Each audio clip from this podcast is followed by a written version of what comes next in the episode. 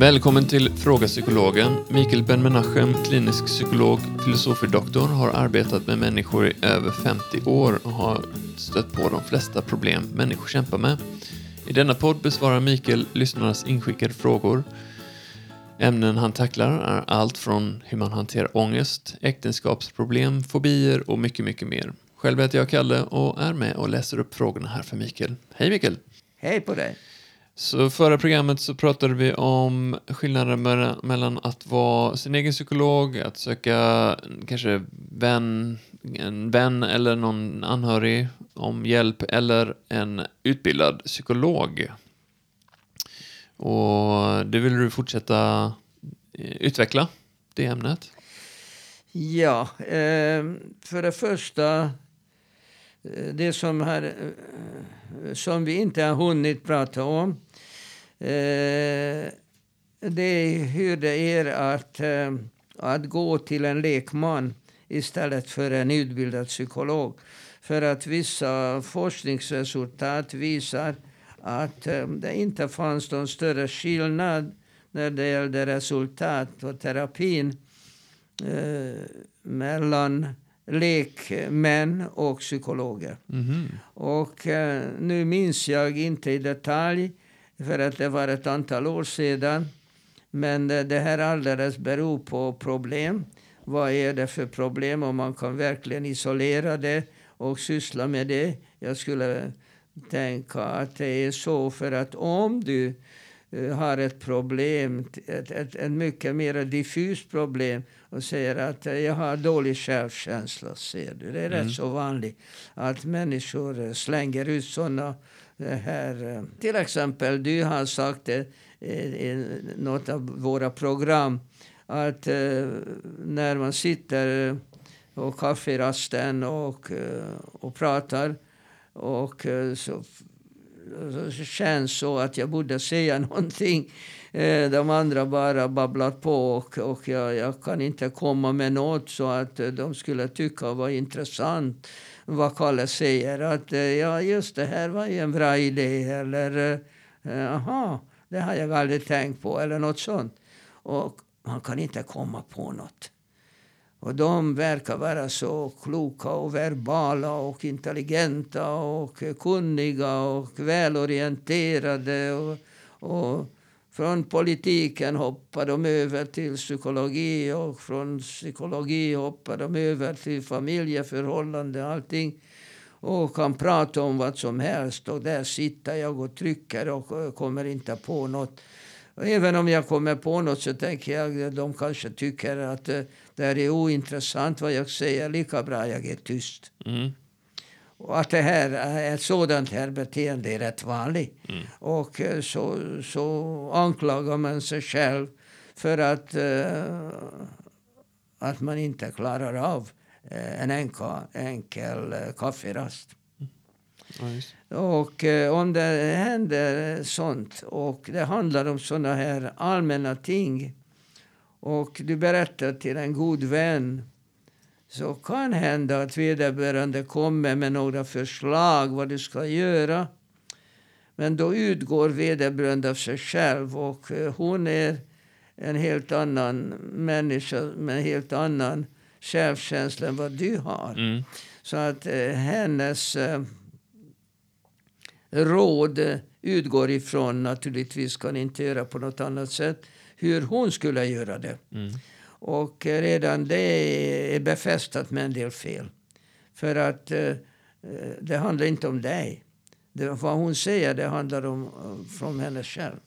Och hon har ju helt andra förutsättningar. Eh, minnesbilder, eh, sätt att eh, tackla saker, verbalitet och mycket annat. Så när goda vänner, om man gör en, en sådan forskning och jämför eh, terapiresultat så kan jag tänka mig att de kan vara effektiva om det inte handlar om eh, såna här eh, eh, diffusa problem. Mm.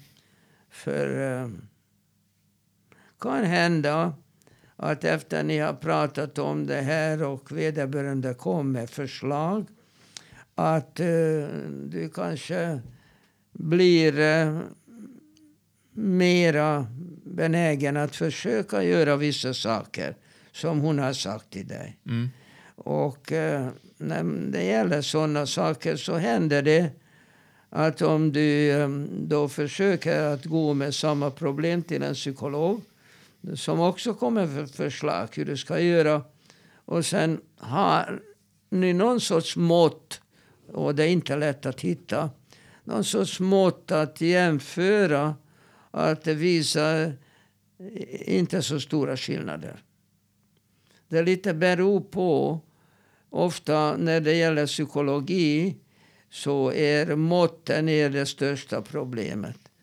För att när man vill mäta något och du ska ju alltid vara väldigt försiktig med när du läser om statistiska resultat eh, vad det här handlar om.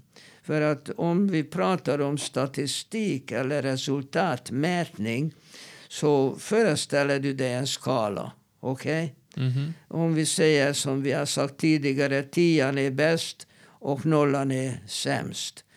Men hur vet vi det? Att eh, när vi tittar på de här siffrorna att eh, skillnaden mellan trean och fyran är exakt lika mycket som mellan fyran och femman. Förstår du vad jag menar? Mm. Eh, Så att eh, en femma betyder något helt annat för dig än för mig. Mm. Eh, Och det är klart att om du har en hel massa forsknings, forskningspersoner att man kan läsa ut någonting i största allmänhet om det här. Men det är alltid ett problem att bedöma om de här olika skalstegen som vi kallar det för. Och det innebär att i forskningssammanhang så finns väldigt få saker där skalstegen är exakt lika. Mhm. Sådan är till exempel temperatur. Då vet du att mellan 20 och 30 grader är exakt lika stort som mellan 30 och 40. Mm. Men när vi tittar om sociologi och psykologi och försöker mäta någonting, då det här eh, måttet eh, är inte eh, på den nivån som till exempel med temperatur. Nej, okej. Och då, då vet man inte om människorna säger och sådana frågor får du dagligen från olika firmor om du bedömer att deras tjänster var mycket dåliga eller sådär och eh, rätt så bra och mycket bra. Va? Mm, Då vet man inte att eh, det här skalsteget mellan jättebra och sådär är exakt likadan som mellan sådär och mm, inte alls Mm. eller något sånt. Mm. Eh, Och det, det här är alltid det största problemet när det gäller att mäta resultat. Så att om du till exempel jämför eh, eh, hur du själv kan lösa ett problem och hur du gör det med hjälp av en god vän. Och så hur mäter du resultatet? Mm. Och hur skulle du göra det? Eh, mellan sådana skalor. när Ja, mellan att ja, du har ett problem, ett, ett, ett väldigt tydligt problem, att underlätta det hela. Ofta är problemet inte är så tydliga. Nej. Men låt oss säga att det är ett väldigt tydligt problem, Ja, att du är rädd för hundar. ja okej. Okej. Eh, ja. Du är rädd för hundar så snart du ser en hund så känner du en rädsla och oro inom dig. Och eh, rädd för att du kanske kan bli biten och då måste du ha en stelkrampsspruta eller bli skadad eller vad. Mm. Det ser vi. Okej, så du försöker att lösa det problemet genom att så snart du ser en hund så undviker du att komma i närheten. Eller gå över till andra sidan gatan. Mm. Eller något sånt. Och så har du en god vän som eh, säger vissa saker vad du ska göra så att inte bli så, så rädd för hunden. Och eh, efter det här att eh, du har försökt att följa vad gode vännen har sagt hur du ska göra så eh, jämför du de två. Hur, hur din metod och din kompis metod, vilken av dem är bättre? Mm. Ja, då måste du gå efter utsagor, eller hur? Visst. Och det här är väldigt godtyckligt. Och om du har flera personer på det här forskningsprojektet så jag garanterar dig att den enas eh, nummer fem inte är lik den andras. Så hur, hur kan man utläsa någonting från en, en sådan forskning? Ja, det, ja, det vet jag inte. Eh, Så det kan ju vara knepigt. Eh, Och när det gäller eh, psykologer, och du sa här, Kalle, utbildad psykolog. Vi har ingen patentlösning på människan. Alla terapier och alla terapiformer har ju sina eh, te teoretiska bakgrunder. Men ingen av dem eh, har bevisat eh, har bättre resultat än det andra. Utom kanske just beteendeterapi, KBT. För att det har ju verkligen visat konkreta resultat. Medan en del andra terapiformer det är mera som en religion än eh, vetenskap. Att antingen en eh, patient tror på eh, den metoden som hans eller hennes psykolog sysslar med eller inte. Alltså det beror inte enbart på forskningsresultat. Det beror inte på terapiresultat. Det beror också på mm, hur, hur den personliga kontakten är mellan dig och din terapeut. Det kanske, ni, ni två kanske inte trivs bra ihop. Mm. Och du förväntar dig till exempel en psykolog. En psykolog som är mycket empatisk och lyssnar på dig och är vänlig och, eh, och svarar ofta eh, på att eh, jag är intresserad, jag förstår, aha och så vidare. Och en psykolog som pratar i ett och eh, försöker visa hur, hur duktig han eller hon är. Alltså det beror väldigt mycket på vad du förväntar dig av en psykolog. Mm. Du går dit och du tänker betala tusen kronor så du förväntar dig att du får konkreta tips och råd för det problem som du söker hjälp för. Ja, eller kanske undanröja någonting som man själv inte ser, tänker jag. Det är liksom, man är ju, i, man är ju sig, inne i sig själv 24 timmar om dygnet, i alla fall när man är vaken tid. Ja, det är alltså både en, eh, hur, hur du trivs ihop med den människan oavsett. Eller ja, hur, hur eh, kemin fungerar mellan er två. Visst.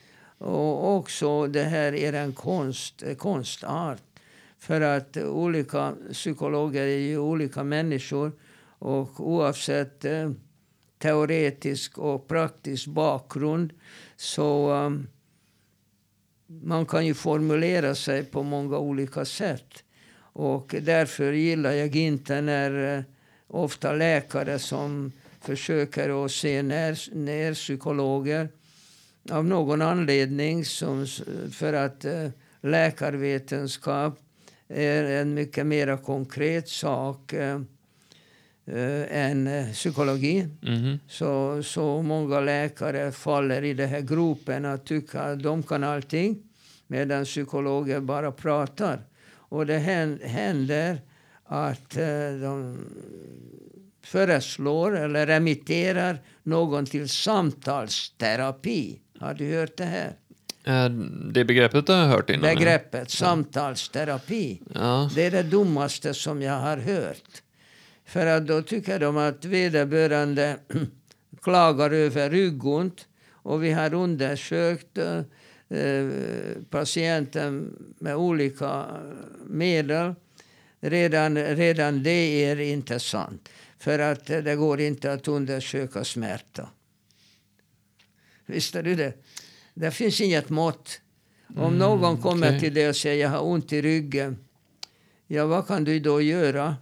Antingen så tror du på patienten eller inte. Mm. Du kan också göra så att du eh, skickar vederbörande till magnetröntgen och ser hur hans ryggrad ser ut. Och om du inte ser något märkvärdigt så, så tror du att hon bara fantiserar. Eller du ser något som ja, kanske en diskförskjutning eh, men det finns hos alla vuxna på något sätt. Och en del klagar över smärta, en del gör inte det. Så att det kan inte vara ett bra mått heller. Och då tycker du att vederbörande bara fantiserar och skickar honom till samtalsterapi. Mm -hmm. uh, och innebär att du, du, tror inte på att han, han har något kroppsligt utan det var psykolog. Och vad ska psykologen göra? Ska prata. Ja, att uh, kalla en terapi för samtalsterapi det betyder ungefär uh, som att kalla kirurgi för knivsterapi. Mm. Jag menar om du, om du ser att en kroppsdel eh, har vissa eh, tydliga problem eh, och eh, kanske njurarna, säger vi. Att du, har njursten och de här njurstenen orsakar vissa problem. Att du ser väldigt klart och tydligt att de här njurstenen kanske borde eh, avlägsnas. Och då kommer kirurgen igång och öppnar eh, patienten och plockar ut de här stenarna. Problemet är löst. Eh, så, så tänker de på. Om, om, om det här är mera diffust eh, samtalsterapi. Och Men, äh, inte knivsterapi. Allopi, äh, sån modern sjukvårdsmentalitet, det är ju, de har ju väldigt svårt att uh, förstå sig på den här mentala kopplingen, liksom mind-body-kopplingen. Uh, att tankar kan på, ha en så stor påverkan av kroppen och endoktrina systemet och allting sånt där. De ser ju kroppar som en biologisk maskin som Jaha, ja, den, alltså, den delen är trasig, ja, då byter vi ut den. Alltså sanningen är egentligen att allt väldigt sällan någonting är rent fysiskt eller rent psykiskt. Ja, det ofta är en blandning. Ja, och, och, och, därför kallar jag inte kirurgin för knivterapi. Och kniven i själva verket är bara ett instrument. Meningen är att den här njurstenen ska avlägsnas. Alltså kniv, eh, kniv i, i sammanhanget är ett instrument. Mm. Eh, men det är inte det vad det handlar om. Eh, du kallar inte ätandet för gaffel, gaffelrörelser. Mm. Utan det, det, det, handlar om att du äter någonting. Eller hur? Visst. Så att jag tycker att det är en mycket farlig förenkling av, av ett skeende. Det här, kirurgin är inte knivterapi. Och eh, samtalsterapi handlar inte om samtal. Att du och han pratar med varandra, eller hon. Det här handlar inte om det, det är instrument. Det är det, det, som är, är viktigare i sammanhanget, vad ni pratar om. Eller hur? Absolut. Och det därför borde det inte kallas för samtalsterapi, för att det är bara ett instrument. Och när du träffar en patient som klagar över någonting eh, som hon har problem med att lösa. Så, um, så det är det som är huvudsaken. Och vad jag skulle kanske sätta punkt eh, på det är att eh, själva ordet problem. För att ett problem ska vara någonting som, eh, som du inte klarar av just nu. Mm. Och det här ju kan vara mm, vilket problem som helst. Kanske har du problem med vattenledning eller värmen i huset eller vad som helst. Och eh, för att du konstaterar att du har ett problem det betyder helt enkelt att det finns någonting som borde lösas. Just det. Okej, okay, mm. då är vi överens. Och det betyder inte att um, att det är bara du som har problem för att många andra kan ha liknande problem. Mm. Så att när du får en patient eller klient som ber om hjälp. Det betyder inte att alla andra klarar de här sakerna hur bra som helst. Det är bara hon som inte gör det. Mm. Det är 90 procent av fallen av alla patienter jag alltid har träffat tycker så. Mm. Att jag eh, går till en psykolog för att jag har ett problem som jag inte klarar av. Men kanske, kanske med hjälp av en fackman skulle jag göra det. Men när jag träffar någon eh, så första gången så säger jag till vederbörande det vad du gör, det här är ett eh, mycket nedvärderande tänkande. I själva verket det är precis tvärtom. För du kanske tror att du har problem men Kalle har inga problem alls. Hur vet du det? Hur vet du det att grannen inte har likadana problem som du? Det syns inte. Även mycket tydliga saker inte syns. De säger att eh, Mikael är alkoholist. Hur vet man det? Om han liksom går så här lullig på gatan eller om han luktar alkohol eller han klarar inte av sitt jobb. det finns mängder med mått på sånt här. Mm. Men i själva verket, du, du kan ju sköta ditt arbete hur, som bra, hur bra som helst. Mm. Du är lärare och klarar lärarjobbet varje dag. Och gå hem, ta fram flaskan, bli full och lägger dig och sover. Och sover åtta timmar och kommer upp och tvättar dig och går till jobbet som vanligt. Mm. Och hur vet man då utifrån att du är alkoholist? Och har du själv alkoholproblem och tittar på grannen och säger hon har, hon har inga problem alls. Hur vet du det? det? Det vet du inte, utan du bara antar att du har problem men inte de andra. Själva verket så är det precis tvärtom. För att alla människor har problem. Alla människor har vissa saker de eh, har svårt att klara av. Och då förmodligen antingen knuffar de bort det här och konstaterar att det här klarar jag inte av. Men det finns mycket kräsna människor som vill ha högre livskvalitet och tycker att okej, okay, jag klarar inte av det här. Men om jag får hjälp av någon som förstår sig lite bättre på de här sakerna, då skulle jag klara av det. Mm. Jag får som avslutning tala om för dig att den här gruppen som går till en psykolog och berättar om ett problem och, och eh, tycker att det är bara de som har problemet och att de har dålig självkänsla och, och till exempel då talar jag om för vederbörande att det här är tvärtom. Alla har problem, men bara mycket ambitiösa och intresserade människor, intresserade människor som tror att med lite hjälp ska de klara av det problemet. Det är en liten, mycket ambitiös och, och intressant, intresserad grupp. Den här gruppen är alltså eh, är det bästa, så att säga. Mm. För att de vågar erkänna att, eh, att de har något problem och våga be om hjälp. Det är inte många människor i samhället som vågar göra det. Antingen så tycker de att de vill inte kasta pengar ut eller de kan leva med de här problemen. Kanske inte ha en sån livskvalitet som de kunde ha men eh, de dör inte av det. Så det, det går okej. Okay. Men när det gäller till exempel att terapi kostar pengar så jag brukar säga så här. Du har råd hur vet du det? Du har råd inte bara för terapi, du har råd för allt annat. Du har råd också att byta bil, du har eh, råd att åka till semester till Kanarieöarna, du har råd för allting. Men du måste göra en prioritering. Du har inte råd för allt det här. Du måste göra en prioriteringsordning. Vad är det som är viktigt för dig? Vad är det som är mindre viktigt? Och då får du se var terapin hamnar. Om du, om du bedömer att det här terapin är viktigare för mig än att åka på eh, semester, då gör du det. Om du tycker att det är viktigare att åka på Kanarieöarna, då gör du det.